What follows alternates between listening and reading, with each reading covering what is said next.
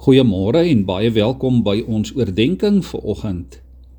Ons dink hierdie week saam oor ons toewyding of ons verbintenis aan die Here.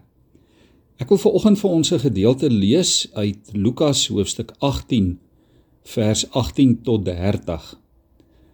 'n Man van aansien het aan Jesus die vraag gestel: "Goeie leermeester, wat moet ek doen om die ewige lewe te verkry?" Jesus het geantwoord: Waarom noem jy my goed? Niemand is goed nie behalwe God. Jy ken die gebooie. Jy mag nie egbreek pleeg nie, jy mag nie moord pleeg nie. Jy mag nie steel nie, jy mag nie vals getuienis gee nie. Eer jou vader en jou moeder. Maar hy antwoord: Al hierdie dinge het ek van my kinderdae af onderhou. Toe Jesus dit hoor, sê hy vir hom: Een ding kom jy nog kort gaan verkoop alles wat jy het en deel die geld uit aan die armes. Dan sal jy 'n skat in die hemel hê kom dan terug en volg my. Toe die man dit hoor was hy diep teleurgesteld want hy was baie ryk.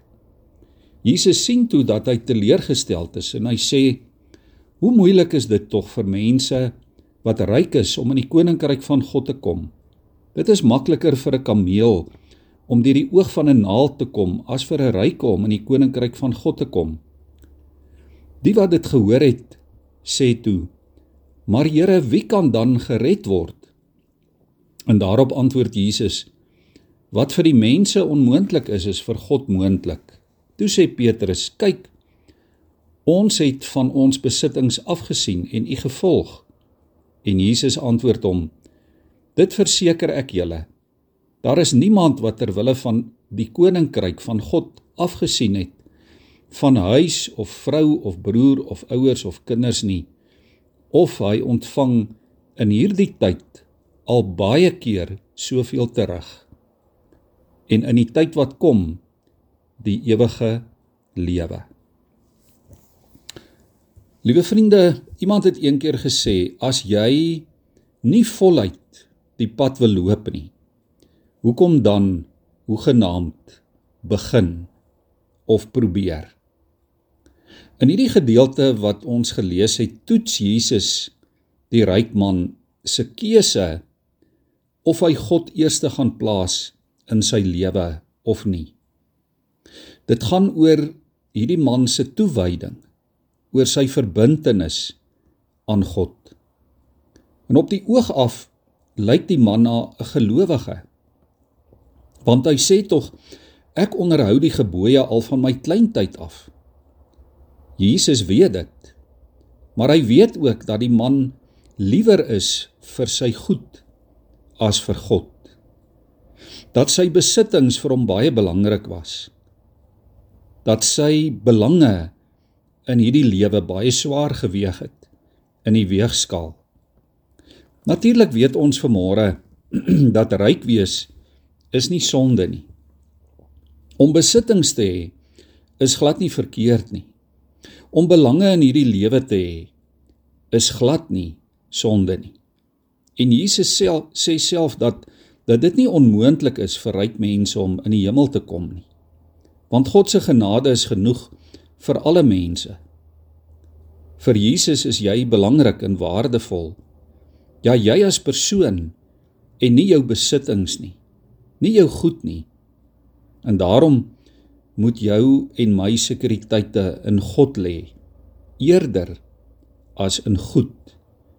Ja eerder as in die goed wat ons besit. Die goed wat vir ons belangrik is in hierdie lewe en op hierdie aarde.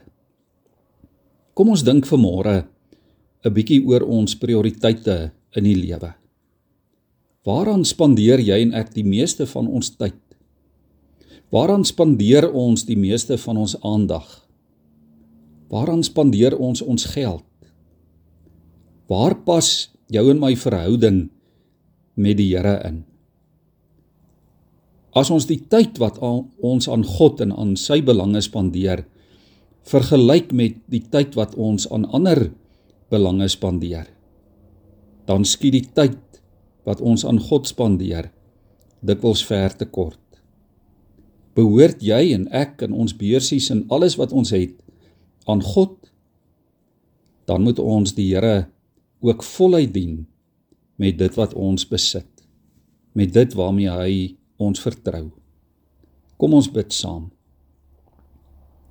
Here, ons wil elkeen onsself vanmôre en vandag opnuut aan U kan kom toewy.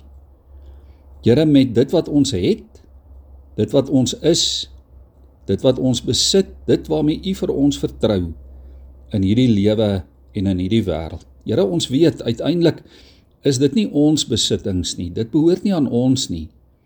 Maar dit behoort aan U. Dit is gawes uit U hand wat U aan ons toevertrou het.